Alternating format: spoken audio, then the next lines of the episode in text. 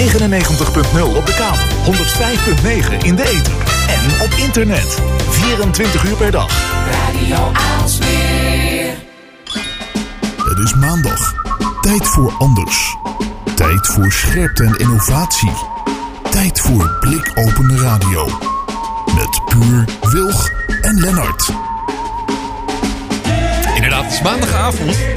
Het is eh 3 december 2018. Dit is Blikopener Radio.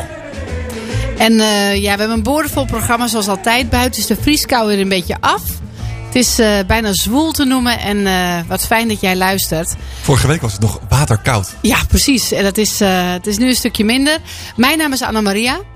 Ik ben Esther of Ed Wilg op Twitter. En ik ben Lennart.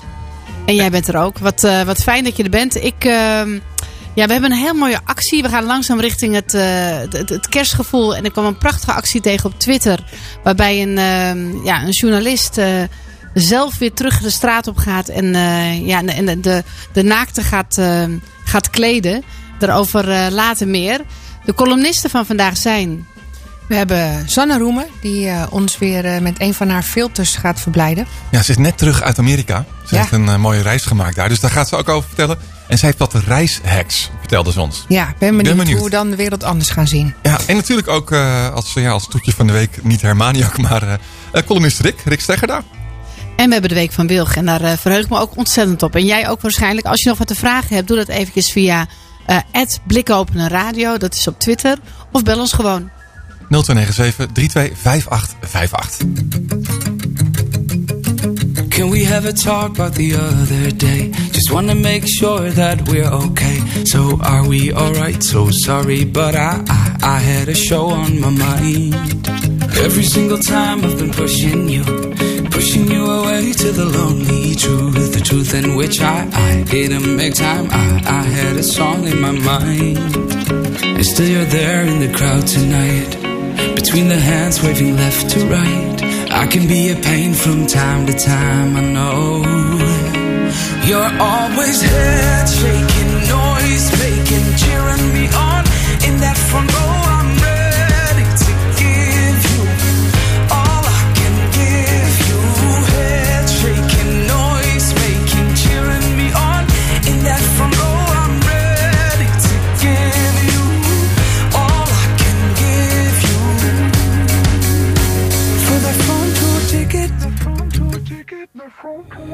very well be the other way around.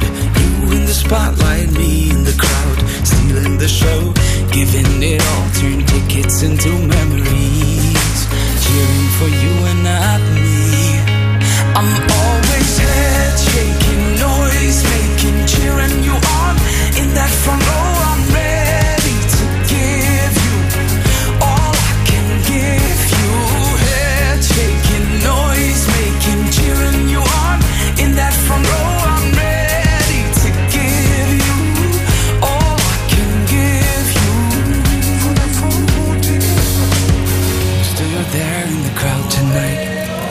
The hands waving left to right. I can be a pain from time to time. Whoa, whoa. And still you're there in the crowd tonight. Between the hands waving left to right. I can be a pain from time to time. Whoa, whoa. And still you're there in the crowd tonight. Between the hands waving left to right. I can be a pain from time to time. I know, but I know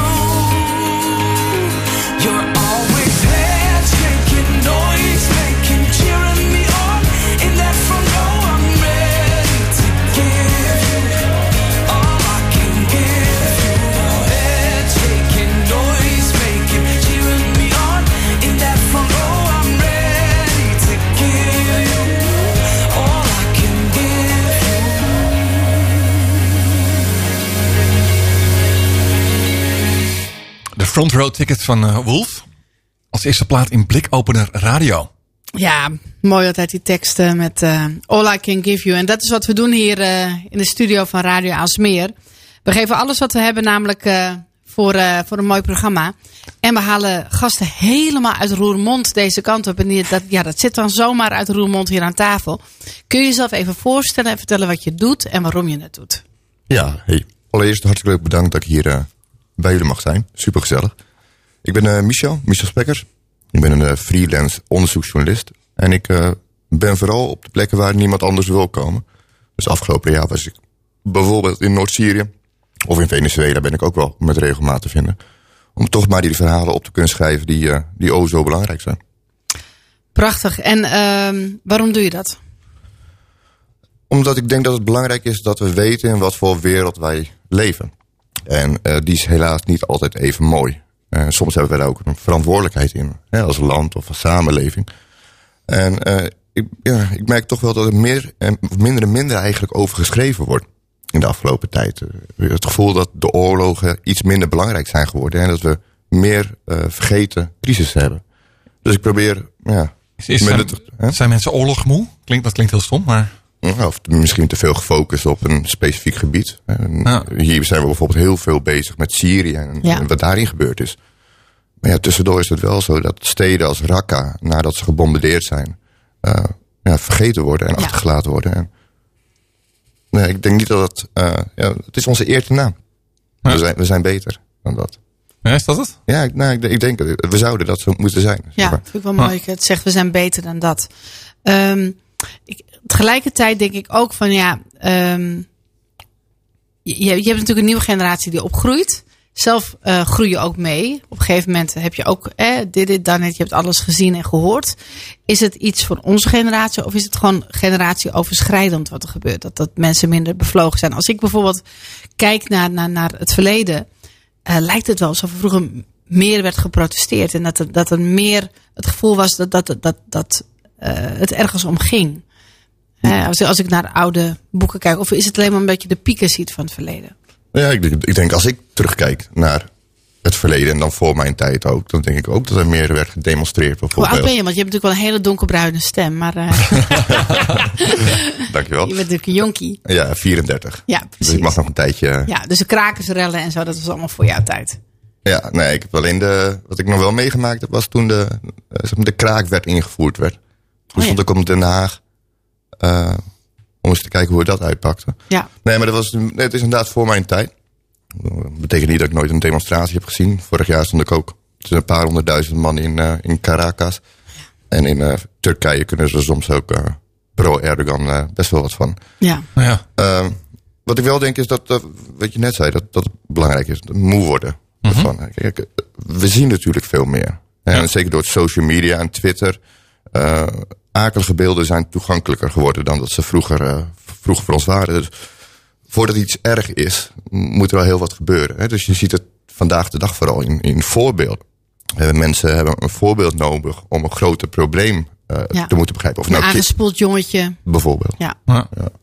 Jeetje, ja. Maar, maar zijn die beelden, ik, ik denk ook wel eens dat juist door al die beelden je ook sceptischer wordt. Want we leren ook eigenlijk door al die social media dat je die beelden misschien niet kunt vertrouwen altijd. Ja, en dat is een heel groot probleem. Want zijn, zijn de uh, white helmets, zijn die goed of zijn ze niet goed? Ja. En, en, zo ja. zijn er met heel veel dingen Ja, maar ik zag bijvoorbeeld net vandaag langskomen... heeft Rutte die, uh, die Saoedische prins nou wel of niet een hand gegeven. Ja, ja. Dat soort futiliteit. ja. en dit, dat is dan heel futiel, maar dat is wel een voorbeeld van... waarom we eigenlijk die beelden misschien wat minder vertrouwen. Ja, maar dat komt deels dus ook door die verandering denk ik in de media.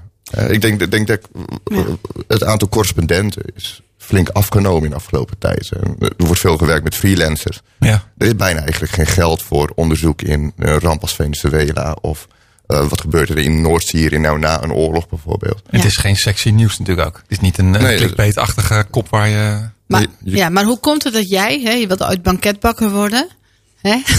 Hoe komt het dat jij uiteindelijk ervoor hebt gekozen?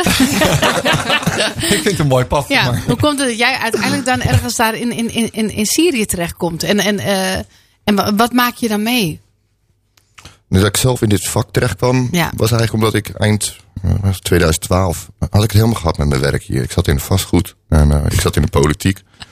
Ik, ik vond het echt... Klinkt ook drama. Ja, nee, maar het, het, het, was het ook. Maar wat heb, wat heb je een opleiding gedaan? Wat is je achtergrond? Uh, ik bedoel, niet, niet opgeleid als banketbakker. nee, nee, nee, ik heb gewoon netjes mijn MAVO gedaan. Een paar keer geprobeerd een HBO te doen. En die ja. nooit, uh, nooit weten af te maken. En uh, nou, uiteindelijk ben ik... 2012 ben ik het land uitgegaan. Even op zoek naar mezelf. Hè, zoals we wel meer doen. Rugzak opzetten, telefoon uit. En kijken wat je wil, eh, wil gaan doen. Mhm. En in die reis ben ik eigenlijk eh, die verhalen tegengekomen die ik belangrijk vond. Eh, dus of het nou eh, de straatkinderen in Lima zijn of de protesten in Venezuela in 2014, waar vrij veel mensen omgekomen. Ja. En Venezuela was echt wel het land. Ik had er een beetje passie mee met het land. Ik was er nooit geweest, maar ik keek er altijd naar op. Ik- Toen ik vroeger Hugo Chavez zag, dacht ik, wow, wat een, wat een vent. maar ja, je blijkt dus dat je kan vergissen daarin. Alle iconen zijn uiteindelijk maar een echo van zichzelf. Eh, maar Nee, maar, maar ja. dus niet, niet opgeleid als journalist.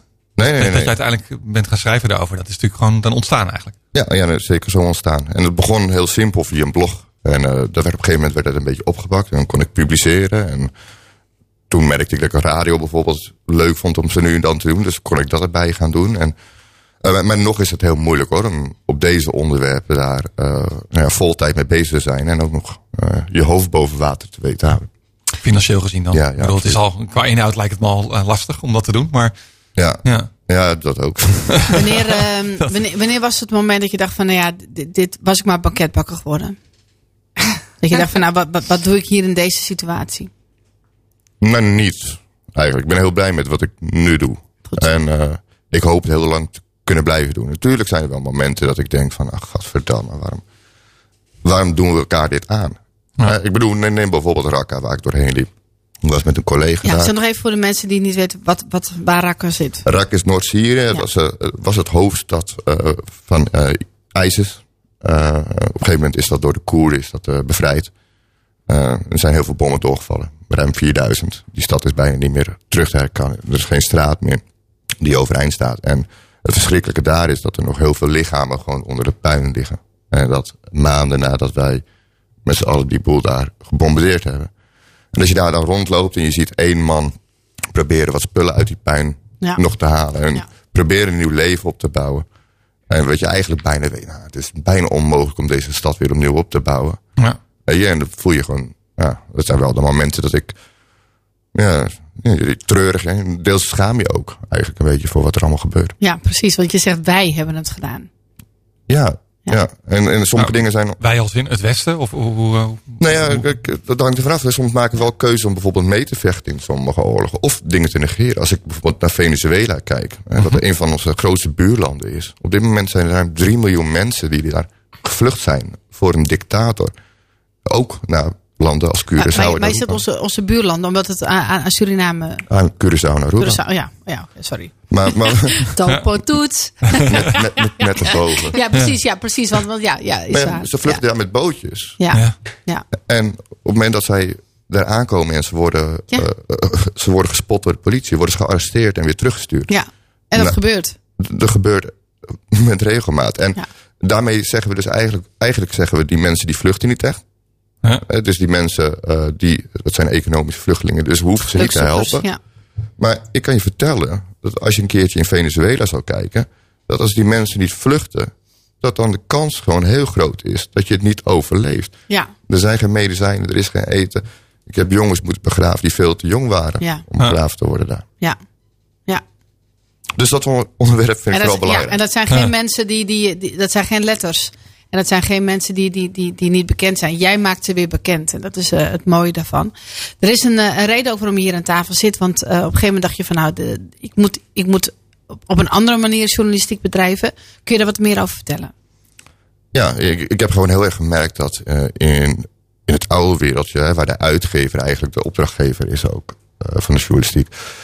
Ja, dat, daar is het moeilijker en moeilijker om daarmee rond te komen. Ik kreeg laatst bijvoorbeeld een aanbod voor 1700 woorden met eh, drie foto's exclusief voor 150 euro. Ja. Uit een crisisgebied. Nou, daar kan ik niet voor werken. Nee. Zeg maar, helaas kost de crisis ook geld, ook om daar te werken. Ja. Ja. En dan kun je heel low budget doen. Je kan heel, zo min mogelijk proberen uitgeven, maar het kost geld. Ja. En uiteindelijk ga je dan kijken, nou ja, hoe kun je dat verleggen deels? Hè? Dus deels kan je dat dus verleggen door dat bij, bij de eindgebruiker, bij de lezer neer te leggen. Hè? Dus bijvoorbeeld de Venezolaan die niet meer in Venezuela woont, maar het belangrijk vindt Ja. om daarover te praten. Of bijvoorbeeld wat we dan de aankomende maand met z'n allen gaan doen. Ja. Dat je de, daklozen opzoeken in Europa. ja, vertel er eens wat meer over. Ja, eh, dakloosheid is een, is een groot probleem. In elk land hoor, maar ook binnen onze eigen grenzen. In Nederland hè, zijn er ruim 32.000. Binnen Europa zijn er ruim een miljoen. 30.000? Eh, Ja. Jeetje. En binnen Europa ruim een miljoen. En sommige cijfers over dak- en thuisloosheid, die gaan zelfs richting de 4 miljoen. Dus Ja. dat is niet een klein probleem, niet alleen voor Nederland, maar binnen de grenzen van onze Unie.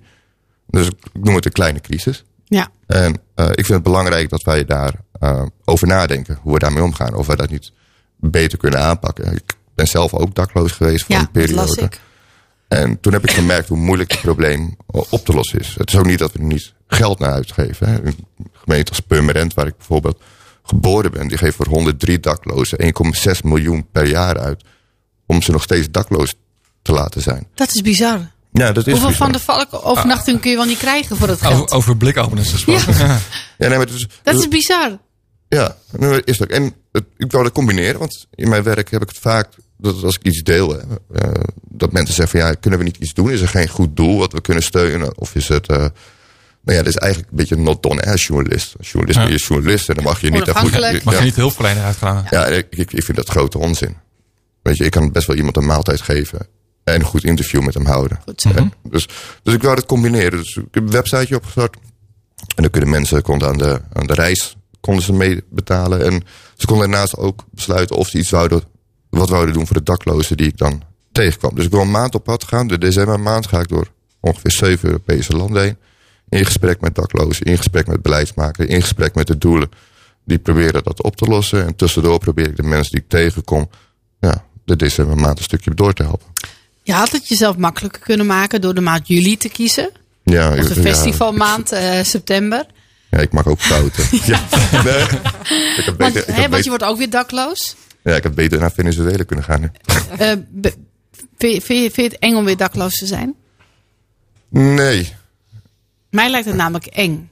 Hè, want je, je, kijk, aan de ene kant heb je het, het, het, het, idee van de. Hè, zonder gezeik over belasting. En, en eh, weet je, je gaat waar de wind je, je, je, brengt. Hè, dat is het romantische beeld.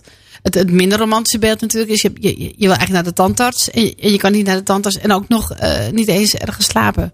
Ja.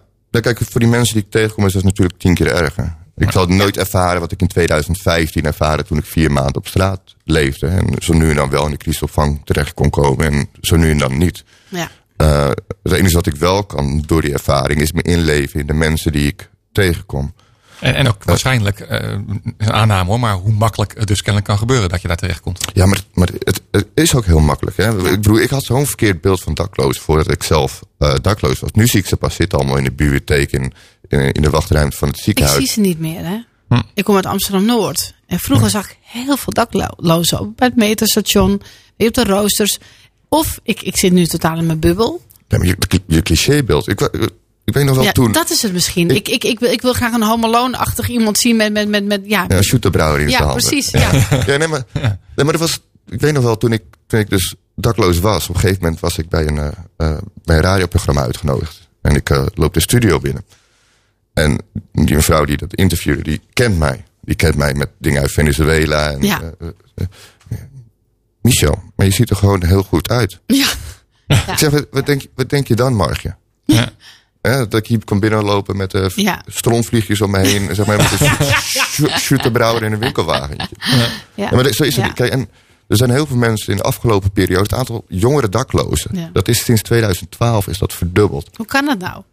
Omdat mensen op een andere manier toch in die problematiek terechtkomen. Ja. Eh, dus de sociale zekerheden veranderen. Ja. Eh, mensen kunnen bijvoorbeeld niet altijd thuis weer worden opgevangen. En die raken daardoor. Neem bijvoorbeeld, ik heb een jongen, net 18 geworden. Maar een gezonde baan. Ja. Met een ouder die ook in een bijstandssituatie Ja. zat. Die is ook helemaal niet. eh, Dus ze, ze wordt een kostendeler Ja. in een huis. Ja. En eh, dat is voor die moeder is dat niet meer op te brengen, niet meer te doen. Eh, er komt een breuk in de relatie tussen die twee. Er komt een ruzie of dan staat een stuur. Maar ik ook bijvoorbeeld een ondernemer, een hovenier, die ik tegenkwam. En die hovenier die had als grootste opgegeven de gemeente. En na de crisis kwam, was het eerste waar gemeentes op bezuinigden, Ja. was de hovenier. plantjes. En hij ging dieper en dieper de slop in. Kreeg tussendoor ook ruzie met zijn vrouw daardoor. Doordat de financiële situatie niet stabiel genoeg was. En die raakte ook dakloos. En is op het moment dat je eenmaal dakloos bent. Dan ga je niet meer leven met wat ga ik morgen doen. Op een gegeven moment kom je automatisch kom je in de spiraal van de waan van de dag. Zorg dat ik vandaag een plek heb Ja. om te slapen. Vandaag eten heb. Ja. Je ja, dan kom je er niet gauw meer. eh, je, je hebt geen energie meer voor andere dingen. nee, dat is, heel, dat is heel moeilijk. Ja. Ja, ik, ik, ehm, wat ik ook denk is dat vroeger kon je eerder gematst worden met dingen. En nu zitten we allemaal in systemen en in computersystemen. En, en, en boetes worden alsmaar hoger. Dus, dus eh, ik denk dat vroeger veel meer dingen werden kwijtgescholden. En, en, en, en misschien ehm, ja, op, op een andere manier schuldsanering was. Maar nu zijn zijn de, de, de, ja, denk ik dat je eerder vermalen wordt door de bureaucratie. Denk ik hoor. Eh, En soms snap ik hem zelf niet, hè, de bureaucratie. Ik las laatst ook een verhaal. Er was een gezin. Ehm, ik heb ze zelf niet gesproken, dus ik ga ervan uit wat ik lees. Ja. Maar de gezin die had een huurachterstand van 22 of 2400 euro. Mhm. En die hebben ze uiteindelijk moeten uitplaatsen. En die kinderen hebben ze in een crisisgezin moeten plaatsen. Die andere is naar een crisisopvang gegaan. En ze hebben een rekensommetje gemaakt dat Ja. uiteindelijk die uithuisplaatsing 72.000 euro aan maatschappelijk geld heeft gekost. Dan denk je, ja, maar dan doen wij toch iets eh Heel verkeerd in. stom, ja. ja. En, en, hetzelfde zie ik met die uitgaves van eh, daklozen. Als ik dan in Purmerend eh, tegenover zo'n gemeenteraad sta om uit te leggen waarom ik denk dat dat beter kan. Ja. Iedereen is het ermee eens, maar we zijn nu twee jaar later. Er is niks veranderd. Ik bedoel, Nee. er wordt Ja. meer geld uitgegeven en er wordt minder opgelost. Komt ook omdat de, de wereld hard is. Maar geven ze dan het geld aan verkeerde dingen uit? Hè? Want, want, want misschien weten ze helemaal niet hoe je dan het beste een dakloze kan helpen. Er zit, er zit natuurlijk ook een hoop in het systeem. Hè? Dus, eh, eh, als, je, als je eenmaal denkt van nou dan ga ik wel even tijdelijk in een vakantiehuis zitten. Dan, Ja. dan kom je ook tegen zo'n loop aan van geen vast adres, dus geen uitkering, dus geen van dat, van dat soort dingen. Eh, hoe, hoe kunnen ze dan het beste dak? Heb je daar tips voor? Of, of werk je met gemeenten samen om, daar, om dat anders te kunnen aanpakken? Ik denk dat de eerste stap is dat je niet bang moet zijn voor verandering, überhaupt. Maar het probleem is dat vaak dit soort bedrijven al vrij lang binnen gemeentes zitten. Hè, Dus ze hebben een positie, hebben ze vergaard en daar zitten ze redelijk in vastgeroest. En dus eh, je, je hebt een gemeente nodig met lef. Die, Maar je zegt bedrijven? ja, ik bedoel, het zijn instellingen Ja, oh, sorry, die, ja, ja. Die, die, die, die subsidie ontvangen voor Ja. dit probleem Ja. eh, op te pakken en op te lossen. En, eh, en de gemeente schuift dat dan een beetje mee af. Hè, Dus wij geven 1,6 miljoen voor daklozen. Ja. En het is jullie probleem. Ons, ons geweten is gesust. Ja, is betaald, afgekocht.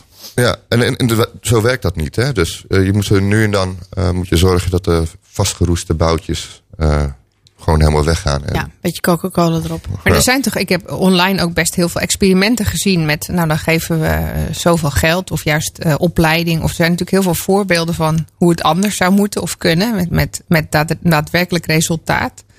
Eh, is dat in andere landen juist alleen zo? Of, of- Nou ja, nee, daar ben ik dus heel benieuwd van. Dat is dus een van de doelen van deze reis is om te zien van... pak ze het nou in andere landen heel Ja. anders aan als in Nederland? Of eh, kijk, in, in Bulgarije hebben ze bijvoorbeeld dakloosheid gewoon verboden gemaakt. verboden? ja, dus dan heb Want dan je, lost het op. ja, dan heb je het ook niet meer. Dus nou moet je een dak boven je hoofd hebben. Dus ze hebben wel hier en daar plastic uitlopen delen... zodat Ja. mensen tentjes kunnen maken. Dan hebben ze een tentje onder een boom en dan ben je niet meer dakloos. Hoe nep is dat? Ja. Dus, Welke Nee. landen ga je allemaal bezoeken? Eh, de gedachte nu, maar Ja. ik, ik sta nog open voor En- eh, ja. input, zeg maar. Want ik, moet- ik moet natuurlijk op de reis wil ik zoveel mogelijk hulp krijgen van mensen die Ja. daar eh, contacten hebben of mij verder kunnen helpen. Dus Ja. ik zit te denken om van hier via België, Frankrijk naar het noorden van Spanje te gaan. En dan gaan we via Noord-Italië gaan we richting Zagreb. Mhm. En dan gaan we richting Gras, Tsjechië, Duitsland, Denemarken en terug. En, en dat ga je allemaal doen voor 1600 euro. Ja. En dat is allemaal gedoneerd geld. Dat is allemaal gedoneerd geld. Ja, ja nee, maar het is fantastisch toch? Nee, maar, En je gaat ook nog mensen kleden. ja, ja, volgens mij we Hoe nou doe je dat dan? Nou ja, wat ik vooral niet wou is Ja. eh, mensen pamperen die ik tegenkwam. Dus ik wou ze gewoon behandelen zoals eh, jij en ik behandeld willen worden. Hè, dus op mijn website konden mensen eh, aangeven van hoeveel vinden wij de reis waard. Of wij vinden dat 0 euro waard, dan kun je dat overslaan. en, en ho- hoe zou ik in de decembermaand iemand willen helpen? En dan komt met een kopje koffie, dat kan nog steeds trouwens. Met een Ja. kopje koffie voor 2,50 euro. Of met een maaltijd voor 10 euro. Of met een, eh, een noodpakket van 50 euro. Of kleding voor 25 euro. En ik wil ook gewoon eh, op een normale manier met die mensen in gesprek gaan. Ze hoeven niet altijd een tweedehands t-shirt te krijgen. Ja. Of een... eh, eh, eh, ik kan Ja. gewoon met ze op een terrasje zitten om te praten. Als het zou moeten. Ik wil ze ook het gevoel krijgen dat ze gewoon het waardig zijn. Behandeld te worden als een ieder ander. En eh, ik bedoel, ik weet het ook. We hebben verschillende soorten daklozen. Je hebt mensen die bewust een keuze hebben gemaakt om hun Ja. leven zo in te richten. Je hebt mensen die eh, pech hebben gehad. Je hebt mensen die pech hebben gehad en je hebt mensen die het totaal gewoon niet interesseert. Ja, Hoe de maat- zijn. Ja. Dus, dus ik wil ook een beetje een balans vinden in, in, in de verschillende soorten daklozen die we, die we onder ons hebben. In, in welk land ben je nou zelf het meest eh, geïnteresseerd? Of wat, wat Maar ik, ik, ik, ik, ik heb probeer, maar ik- nogmaals, ik ben nog niet helemaal zeker van mijn reis. Ik denk dat ik donderdag wegga. En ik wil proberen ook de steden te zoeken met het meeste contrast. Bijvoorbeeld, ik zou het leuk vinden om naar Monaco te gaan. Ja, ja. Ja. Hè, omdat daar geval op mijn, op mijn route... eh, Je zou zeggen dat eh, eerst dat je denkt, nou, daar zijn toch geen daklozen. Ik, Ja, denk, nee. ik denk dat als ik als dakloze zou ik echt lekker naar Monaco gaan. of Venetië. Ja. Ja, ja, Die zijn- die zijn er zeker wel. ja, Ja. zeker. En, ehm, maar ik wil het ook een beetje laten leiden. Ja. Eh, dit, dit is natuurlijk voor mij is het ook een beetje een, een, proef. Hè, Ja. Wat ik nu doe. Ja. Het is eh, een proef van een wat groter project. Wat ik volgend jaar wil gaan doen. Interessant, gaan we zo meteen over hebben. En, ehm, dus, dus ik wil mensen ook een bepaalde controle geven. Want hun zijn mijn opdrachtgevers. Hun hebben mijn rekening. Kijk, ik ontvang daar wel geen salaris voor deze Ja. maand. Maar het is omdat het onderwerp belangrijk is. Maar hun zijn mijn opdrachtgever. Dus hun eh, mogen zeker een zekere maat van invloed hebben. En kijk, waarom zou ik naar een, een stad gaan waar ik graag wil komen... als ik bij een, een buurtstad heel veel hulp kan krijgen van organisaties... ja. eh, die graag willen dat ik hierover praat. Want die hulp heb je nodig om ook, neem ik aan, in contact te komen met die daklozen. Want als je in Monaco loopt en ik bedoel, hoe, hoe, hoe zie je dan van ja, jij bent dakloos en ik ga je helpen of zo? Dat me nou, best ja, lastig. Nou, nou, wat de angst is, dat kun je wel doen. Want plank enorm sommige daklozen herken je gewoon. Maar dan ga je weer in het oude principe denken. Ja. Dus, Ja. dus praat je alleen met de dakloze waarvan je denkt dat hij bij voorbaat dakloos is. Omdat hij Ja. met zijn shooterbrouwer in zijn hand zit. Ja, Ja. Dus die, die instanties die heb je nu eigenlijk al in het vizier. Wat mij fascineert, hè, ehm, jij hebt het meegemaakt dat je dakloos was. Ehm, mij lijkt het ook een, een eye-opener om te zien of, of de mens evil is of niet en te vertrouwen. Ehm, wat, wat, wat heb je meegemaakt dat je denkt van nou hier heb ik vertrouwen in de mensen. Wat heb je meegemaakt dat de, de mens is toch Nou, kwaadaardiger dan ik dacht. ik vind het vertrouwen wel een mooie, mooie Ja. eh, afsluiter. Ja. Als positiviteit. Ja. Ja, nou, Wat, wat, heeft je, wat heeft je blij verrast in je periode dat je dakloos was? ehm, het meest verrast is dat... Ja, ik moet even keuzes maken. Maar je mag ook meerdere dingen doen Gelukkig. hoor. Dat is, Ja. Maar. dat is goed. Nee, nee, maar het- ik denk het meest blije verrast is dat ik toch een stukje, een stukje hoop heb gekregen. Dat als het er echt op aankomt, uiteindelijk dat je niet ehm, helemaal alleen staat.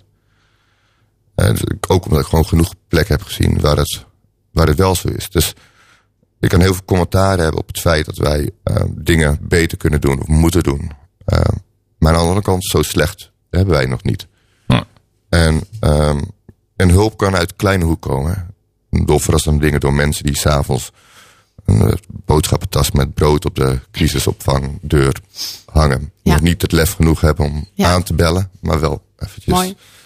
Dus dat, ja, daar ben ik blij verrast in. En ik, nou, misschien nog wel meer is dat, dat als je mensen een klein beetje hoop geeft, een vertrouwen geeft, en je staat behandeld als een, eh, als een mens, Ja. dat mensen heel sterk zijn en Goed krachtig. zo. Prachtig. Oh, dat vind ik wel mooi. Ja, daar groeien mensen van. Ja. Tuurlijk. Iedereen. Dank je. En ehm, fijn dat je nog even blijft. Ja, geen dank. ja, wat goed. Ehm, we gaan zo eh, door met eh, Sanne, onze columnist. Eén ding. Als Ja. mensen dit horen en denken van ja, ik wil doneren. Ja, precies. Leg het Eh, even uit. Dan gaan ja, we ondertussen welke- gaan we Sanne bellen. Ja, komt vast wel ook online te staan voor mensen Ja, zeker, opzoeken. zeker, maar er zeker. staat eh, op, mijn, eh, op mijn persoonlijke site waar ook mijn artikelen staan. Dus dat is michelspekkers.nl slash daklozen.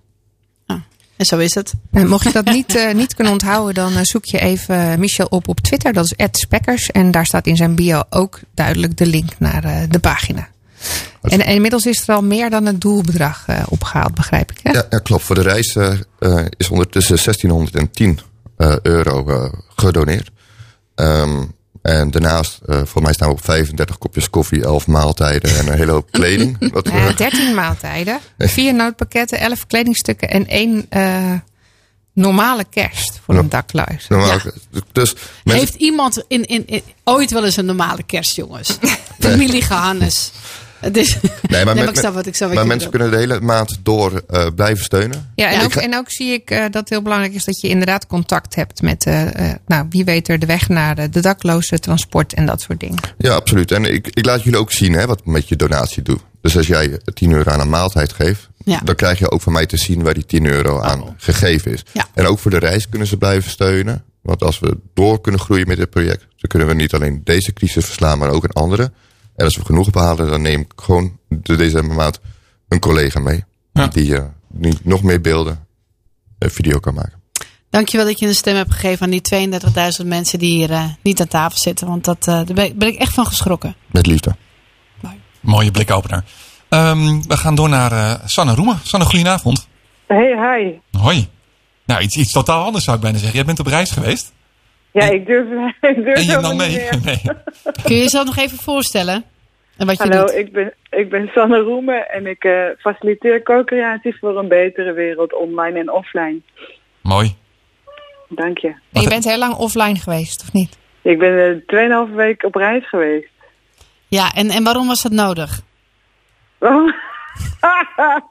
nou, eh, er is een, een metalband die ik al 23 jaar volg. En die kondigde aan dat ze de drummer en de gitarist de band gingen verlaten. En toen zag ik dat ze nog aan het toeren waren in de States. Dus toen dacht ik, ik doe nog even de laatste drie concerten. En meepikken. is het je gelukt om die, die gitarist en die andere gast nog bij de band te houden? En wat Nee, heb je daarvoor was- gedaan? Nee, nee, nee, nee. Ik, eh, zoals je weet, die tatoeage die jij de vorige keer gefotografeerd Ja. hebt. Smash and Redefine. Uit de scherven van eh, iets wat gebroken is, kan je vaak de mooiste dingen weer opbouwen. Dus eh, nee hoor, dit hoort er gewoon bij. Dat je soms klaar bent met je werk.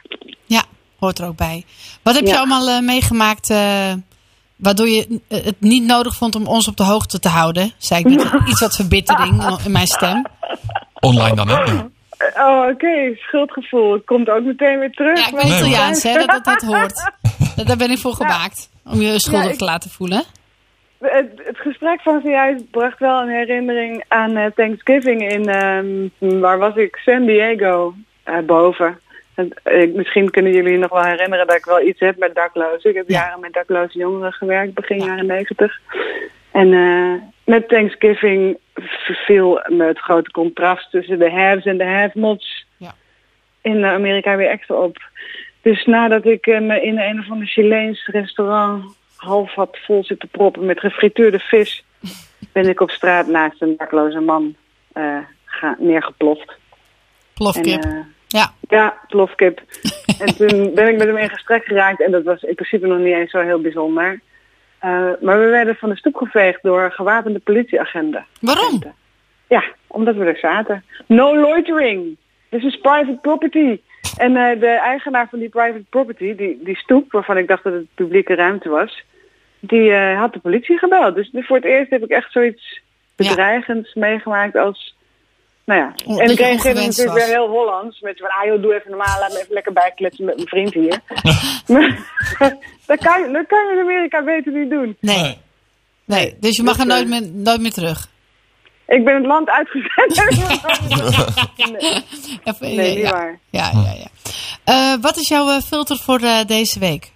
Nou ja, ik ben dus 2,5 weken ook vrij geweest van internet. Geen linkjes gedeeld, niets niet meer al niet. Maar er waren op reis wel een aantal momenten dat ik van mezelf dacht... Jeetje, wat ben ik toch een ontzettend slimme reiziger. Oké, nou maak ons Ja. wijzer. Er was, nou, wat ik dus doe, ik hou sowieso van heel erg van door de stad slierten. En eh, op plekken komen die misschien wat een beetje off the beaten track zijn. Dus het eerste wat ik doe als ik voet aan land zet, is op zoek naar iemand die ik er enigszins interessant uit vind zien. Hm. En dan aan die persoon vragen, als jij vandaag vrij zou hebben in deze stad, wat zou je dan gaan doen? Wat een goede hack dit. Ja, Dit is te gek. ik ben wat echt leuk. op de gaafste plekken Ja, terechtgekomen. natuurlijk. Wat zou je vandaag doen als je vrij bent? Ja, Want dan, Gingen- ga je toffe, er ook dan krijg je mensen- toffe dingen. Gingen er ook mensen mee? Nee, dat niet. Maar ik heb wel een. eh, ik was in Bakersfield. Het is Ja. echt een puist op het schat van de duvel. Een heel klein stoffig ding midden in de woestijn. En eh, daar leek niks eh, gaande te zijn. Maar dat, alles waar dingen gaande waren, was dicht. Omdat die natuurlijk de airco aan hadden staan. En die hadden van die eh, met spiegelende folie afgeplakte ramen. Waar je niet door naar binnen kon kijken. En dus de eerste persoon die ik getackeld had, die zei: Nou, ik zou eh, in deze straat overal naar binnen gaan eh, waar je denkt dat je niet welkom bent. En, eh, want daar zitten allemaal van die thrift shops, van die tweedehands Oh winkeltjes. ja, ja, ja, ja. ja. En ik weet niet of jullie de inter, inter de binnen, de, de lawyer. Dat Ja, was zo'n ja, binnen ja, tweedehands. Elandsgracht. Ja. Precies, het, Waardlooplijn, maar dan binnen. Nou, dat was daar dus in die hele straat. Oh, wat En mooi. er Dus er één allemaal ambachtsmensen ook. Nou nee, gewoon alleen maar eh, zolderopruiming. En Oh, dan, oké. eh, Oké, dus ja. een beetje Macklemore-achtig. Ja, oké. Enorm, ja. En er was dus één man en die had allemaal tweedehands comics. En die had nog nooit een toerist gezien. Dus die ging met mij op zoek naar oude edities van de Avengers. En we vonden ook een Marvel comic met een hele band Kiss in de hoofdrol. En Dus, eh, nou, dus, die, die dus wat, dus een, wat een goede travel hack. Dus als je dan Dat soort dingen doet, dan kom je mensen tegen die nog nooit van hun leven een toerist hebben gezien. Dat vind ik wel heel, Ja. heel mooi. En Volgende de tip. bonus tip is dat je niet eh, op iemand afstapt die heel erg op je lijkt. Hm. Ook interessant. Oké. Ja, Ja, want dat zijn dan toch de mensen die een beetje gewenst, sociaal wenselijke antwoorden gaan geven. Ja, ja, om, om- omdat, ja, ik snap het. Want die, die willen jou niet eh, al te rare plekken sturen. Wat goed. Ja, die denken dat ze je kennen omdat Ja. ze denken dat ze je herkennen. Dus, eh, en dan, ja, ja goed. Eh, dat is natuurlijk een zelfvervullende profetie dit. Oh, maar, maar dit is natuurlijk ook leuk, jongens. Als je dit, dit hoort. Dit kun je ook op je vrije dag doen, hè? Ja. Dit Ja. heeft helemaal niets te maken met, met dat je ergens in San Diego Ja, of- moet zijn. Dit kun je ook gewoon als je een, een vrije dag hebt, kun je dit Of meemaken. andersom, hè, want dat vertelde ik in Moldavië aan degene die mij door de stad eh, liepen. Je ziet Ja. pas de stad echt door de ogen van, van Ja. mensen die daar dan wonen. Zeg Ja. maar. En ik weet dat ik in mijn studententijd dan gewoon zei: Ik ga wel met jullie mee naar eh, het Rijksmuseum, want dan laat ik jullie de dingen zien Oh, die leuk. ik mooi vind en niet eh, waar iedereen loopt. Als je Ja. kaartje betaalt. Maar nee, ja, Oh. niet eens. Ik was nog, mocht nog gratis, maar dat geeft jezelf ook Ja. een soort van nieuwe blik. Wat gaaf. Ja. Wat gaaf. Ehm, wat was eh, je hoogtepunt tijdens de reis? Niet al te smeuige details, please. Eh, eh, Iets, iets met een drummer of met een... nou ja, dus eh, bij het eerste concert van Machine Head wat ik bijwoonde, is het stel naast me de zaal uitgezet omdat ze eh, eh, ge- geslachtelijke gemeenschap hadden met elkaar. Oké. dat, is dat is niet mijn hoogtepunt, maar dat van hun. En ja, ehm. Eh, nadat de drie concerten afgelopen waren, belandde ik nog in de kroeg die eigendom is van de gitarist van de voorgenoemde band. daar En doe je het voor. Daar, doe je het voor. Ook. Yay! En de crew ook. Dus ja, deze groepie is weer helemaal aan de trekken Ja, gekomen. het was het allemaal waard, dus. Meer dan.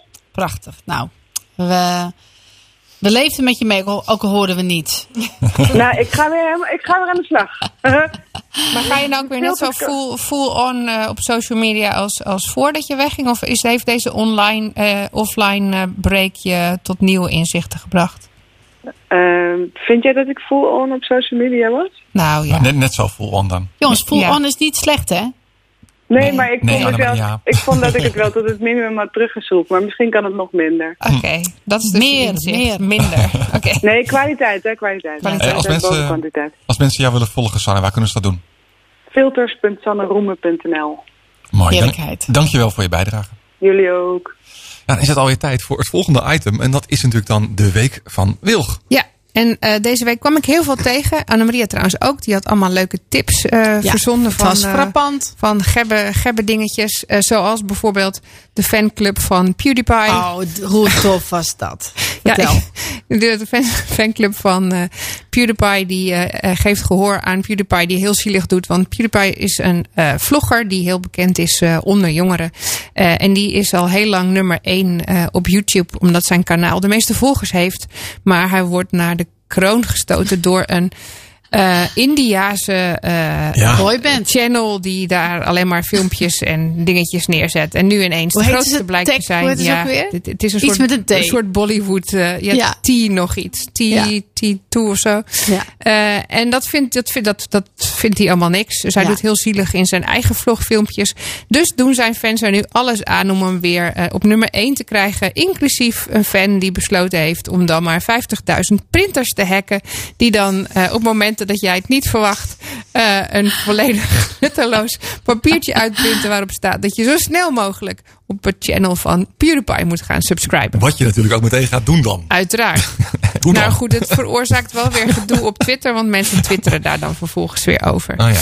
Eh, en toen dacht Ik, ik, ik, ik dacht meteen van, jongens, als je een, ik wist niet eens je een printer kon hacken.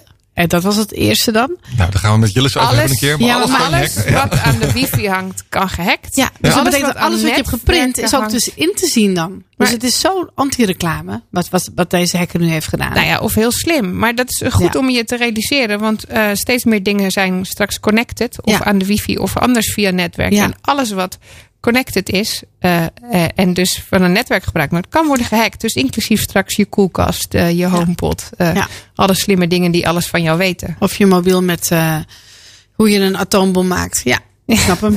Ja, En toen dacht, ik, oh, dacht ik, oh nee, ik ga weer helemaal de verkeerde kant op, jongens. Ik zou positief, blijven. Eh, en toen kwam ik ehm, eh, een, een, negatief nieuwsbericht tegen over eh, de Russische en Oekraïense oneenigheid eh, in de zee bij, de, bij, de, bij, de, bij de Krim, die Ja. geannexeerd is. En daar zijn dan altijd onderzoeken naar, die duren altijd zo lang. En toen dacht ik, weet je wat, ik kijk weer eens even bij mijn favoriete site. En die site is van Bellingcat. Eh, en daar Oh, word ik altijd heel enthousiast voor. Be- ik weet niet of jullie Bellingcat kennen. Nou, Belling- Bellingcat is een, eh, eh, een eh, site of een platform eigenlijk die opgericht is door een Engelse eh, onderzoeksjournalist, Elliot Higgins. En die is opgericht een beetje in ten, tij- ten tijde ook van de, van de Syrische oorlog. Eh, maar die heeft bijvoorbeeld ook onderzoek gedaan naar ehm, het neerschieten van de MH17. En wat doet hij? Hij maakt gebruik van open source beelden van bijvoorbeeld eh, satellieten, eh, website, foto's eh, van NASA en allerlei andere instanties. En hij gebruikt social media en andere mensen en onderzoekers die daaraan mee willen helpen om al dat soort dingen zo snel mogelijk te analyseren. En daar schrijft hij Sherlock onder. Holmes. Ja, maar dan online. Een online Sherlock Holmes. En dat deed hij met de NA-17 heel snel. Hij kon bijvoorbeeld door mensen stukjes te laten onderzoeken... eh, heel snel prachtig. aantonen dat het inderdaad eh, waarschijnlijk een Russische raket is geweest. eh, is via beelden die van Google Earth vandaan kwamen. En Bellingcat was daarmee eerder dan de officiële onderzoeken en had ook dezelfde conclusie. En dat hebben ze nu weer gedaan met eh, nou, de schermutselingen in de zee. Eh, en daar hebben ze ook weer stukjes zee geanalyseerd. Foto's van de schepen voor en na de schermetselingen. Waar dan precies de schade zat. Eh, Prachtig. Wat, eh, wat voor coördinaten er door de een en wat voor coördinaten door de andere officieel naar buiten zijn gebracht. Maar ook dingen die gezegd zijn in berichten die niet officieel naar buiten zijn gebracht. Maar wel open source ergens te vinden waren. En daar hebben ze weer een heel rapport van gemaakt. Dat na te lezen is op de site van Bellingcat. En dat is bellingcat.com. En wat is de conclusie? Wie was de schuld? Nou ja, dat is niet helemaal duidelijk. maar ze gaan er toch van Dat is ook uit een antwoord. dat Ja. het. eh, De bad eh, guys de bad guys waren. ja, en de good guys dat het good wellicht guys. Toch niet helemaal in Russische wateren, maar eh, in internationale wateren gebeurd is. Eh, en, en, maar eh, gewoon kijken op de site van Bellingcat en eventueel bijdragen aan hun onderzoeksjournalist, die on- journalistiek die online gebeurt met heel veel onderzoekers, maar waar je ook zelf aan bij kan dragen. Want zo was bijvoorbeeld bij het neerstorten van het andere vliegtuig, MH, weet ik niet meer, eh, kon je ook bijdragen aan het onderzoek door bijvoorbeeld stukjes oceaan van een aantal blokjes te onderzoeken. En dan moest je zeggen als je iets zag. En dat, Maar dat- natuurlijk. Een soort een gamification soort van- bijna. Oh, Ah. ja, ja, crowdsourcing the public. Dus dat, dat, ja, dat, dat is een heel mooi eh, initiatief eigenlijk. Kijk Bellingcat. meteen naar onze gast. Hoe eh, geïnspireerd ben je hierdoor?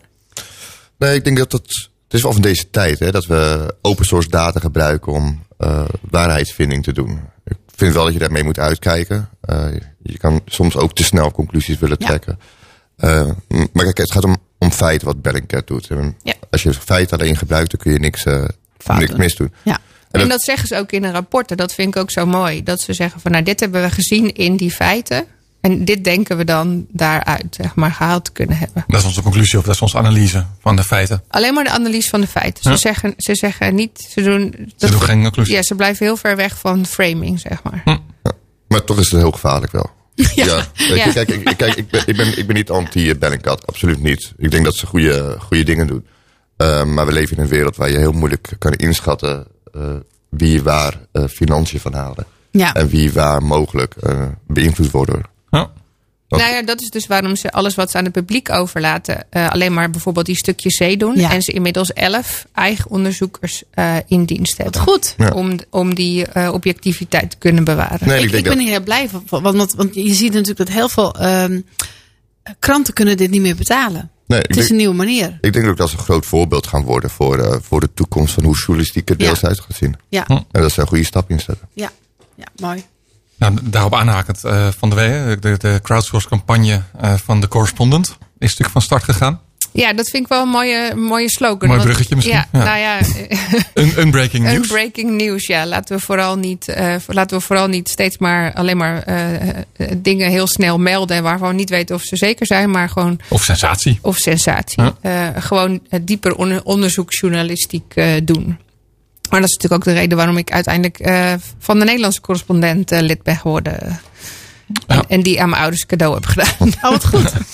ja. Nou, En kijken ze het ook? Eens. Of, eh, Ik ook. ja, mijn vader die vindt dat geweldig. Want die kon eh, online wel van alles lezen. Maar eh, in het dorp werd alleen de Telegraaf gebracht. Dus hij las al heel lang niet meer van dat soort nieuws. En social media vindt hij Ja. veel te... Dus dat, het is echt een Ja. verademing Het is een goed filter. Ja, Mooi. ja. Mooi, mooi. Ik, en, en ik had dan nu nog een hele mooie eigenlijk, eh, als we over positief nieuws eh, praten. En dat is ehm, eh, het Meet Vermeer initiatief. Ken ik niet. Ehm, ja, dat is een initiatief samen met het Mauritshuis en Google Arts and Culture. En zij hebben. zij zeggen van, nou, weet je, Vermeer, er zijn heel veel werken van.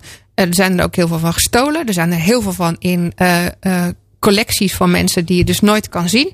Eh, maar iedereen wil ze eigenlijk wel zien. Ja. En Google Arts and Culture probeert eigenlijk eh, ehm, dat soort dingen in kaart te brengen. Dus eigenlijk een soort van eh, Google Street View. Maar dat hebben ze dan inmiddels bijvoorbeeld ook al bij musea gedaan. Zodat je langs het Rijksmuseum langs de Ja. schilderijen kan, kopen, en- kan lopen. Ze hebben gezegd, wat als we nou een soort Street View doen... maar dan is het een museum dat alleen online is. Dus ze hebben een soort online gallery eh, Ja. geopend... waar je Ja. alle werken van Vermeer op één plek, ook al is die online, kan zien. En, en dus echt met eh, eh, hoge resolutie. En je kan er Niet in een voorbij lopen. Je Nee. kan ze zien. Ah. Ja, het is wel, eh, ehm, het is wel ehm eh, eh, à la Google Street View. Hoe je, het, hoe je het dan kan zien. Ja, Ja. maar het is niet zo dat je met een VR-bril bijvoorbeeld ziet de dimensies of, of, of hoe de klodders oh, eh, bijna driedimensionaal ergens opgeplakt zijn. Nee, het is wel high-res, maar het is niet Ja. VR. Ja. Het is wel met eh, AR-technologie gemaakt. Eh, maar het zijn, je hoeft er geen VR-bril voor te hebben. Je kunt gewoon naar de, site van, eh, van, van Google. eh, om dan eh, online die, die, ja, die gallery van Vermeer te zien. Dan ga je gewoon naar g.co slash meet Vermeer. En dan ben je in die online omgeving waar je al die schilderijen... die tot nu toe niet allemaal bij elkaar te zien waren, kunt zien. Ik dacht dat die hele arts en culture nog niet in Nederland te zien was. Maar dat is dus nu eindelijk ook wel hier. Nou ja, het is niet per Ja. se. Hè, Vermeer is natuurlijk heel groot in alle landen, Ja. niet alleen in Nederland. Ja, maar ik, ik dacht dat, dat, dat we sowieso dat gedeelte nog niet eh, hier geopend was. Maar dus wel. Ja, want het Rijksmuseum is ook Ja. eh, Ja, door te lopen ja. met eh, Google Ja. Arts and Culture. Dus het is een hele interessante ontwikkeling eigenlijk. Ja, mooi. Dus ook weer positief met nieuwe technologie. Ja. mooi. Mooi, mooi, mooi. Wie is jullie lievelingsschilder, jongens? Mijn moeder. Oh ja, dat is een hele goeie. Dat is een heel goeie. Ja. En die van jou, Lennart. Ik heb niet een favoriete lievelingsschilder. Oh. Nee. Jij? Nee, ik ook niet. En die van Annemaria, mag ik gokken? Ja, zeg eens. Klimt.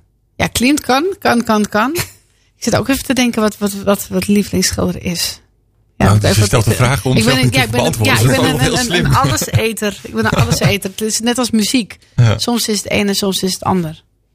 Ik denk, ehm, ja, misschien Murillo. Kijk maar even, jongens. Murillo, heel sentimenteel. Een beetje de, het, het huilende bedelaarsjongetje. Zigeuner jongetje achter. heel katholiek is dat ook. Ja, heel katholiek. Ja, die vond ik eh, tijden heel mooi. Nu is het misschien iets te zoetsappig. Niet Banksy of eh, Alice Pascal. Ja, Banksy is Nee, ook nee ik ben ja. heel conservatief dat betreft. Ja. Die actie ook laatste. Ja, ja. Met papiersnipperaar en Nou ja, nog ik- een nieuw ding met een wel- bootje. Ik ben wel gek Ja. op, eh, op eh, straatkunst, street art. Dus Ja. eh, daarom vind ik Banksy heel tof. Maar ik vind eh, Alice Pascan, dat is tot nu mijn street art eh, favoriet. Oh, die gaan we googlen. Ja. Op eh. Art, eh, Google Art. ja, die staat Craft. daar dus weer Ja, niet. Maar Oh. misschien ergens in de Google Street View beeld wel. Oh, ja. Maar dat moeten ze dan eerst gaan taggen. Dat je de Banksy's dat, moet eh, gaan zoeken op Street View. Dat is ook wel een Dat is mooie. ook wel mooi, ja. Oh, Misschien ja. kunnen we daar dan weer zo'n investigator platform voor gaan, eh, Ah, en dan komen alle eindjes er samen. Ja. Ik hoor een, eh, een heiger op de achtergrond. Ja, echt? Eindelijk. Een, een adem, dat is op zich wel fijn hoor. Ik was heel rustig, dacht ik. Maar Ja, dat is prima. Rick, goedenavond. Hoi. Columnist Rick Steggerda. Ik Uh, moest denken aan, ehm, aan een, eh, een hoorspel dat we eens gemaakt hebben... waarbij het meisje met de parel in gesprek gaat met eh, Mona Lisa. En dan Oh. schrijft ze brieven aan Mona Lisa, want ze is in Japan op tournee. ja. Wat leuk. En ze, schrijft, ze begint dan elke keer met lieve Mona. En dan, en, en dan vertelt ze allerlei verhalen, hoe mooi ze het heeft en hoeveel mensen er naar komen kijken. En dat eh, Mona maar zo'n eenzaam eh kluizenaarsbestaan heeft in Parijs. Ja, en, het- en zij zwiert en zwaait door de straten van Japan. Ja, wat mooi. Prachtig. Eh, je bent een gespreksontwerper. Yes. Wat doe je nog meer in het leven? Nou, ik maak dus hoorspelen. ehm, en ik geef les. Eh, en eh, ik heb sinds kort mezelf de hashtag eh, de idealist aangemeten. En waarom ook niet? De idealist. Precies. En je Waarom bent gewoon Ja. heel goed met, eh, met woorden. Dat hebben we vorige week maar eens live mee mogen maken. Ja, dat was leuk hè? Ja. Ja, we hadden een, eh, een, een gast, eh, Robert van Rijn. En toen uiteindelijk ja, werd de hele uitzending werd compact in een, in, ja, in, een, in een prachtige column werd het door jou beschreven. Die ik ook later terugkwam, terugzag op je LinkedIn. Vond ik ook wel heel Zeker. mooi. Ja, dus dank je wel daarvoor. Het was een magisch moment. Graag gedaan. Ehm, ja, ga maar, zou ik we zeggen. gaan ons, ja, verblijdt ons deze week ook weer. Ja, ehm, zet je schrap hè? Ja. Ehm, het onafgestemde. Sta me toe je even mee te nemen naar een wereld waar de woorden wellicht wat moeilijk lijken. Maar vertrouw me. Ondanks dat je misschien de draad even kwijtraakt, weet ik zeker dat je het zult begrijpen. Is het niet met je hoofd, dan toch zeker met je hart. Ik wil je graag iets vertellen over het onafgestemde.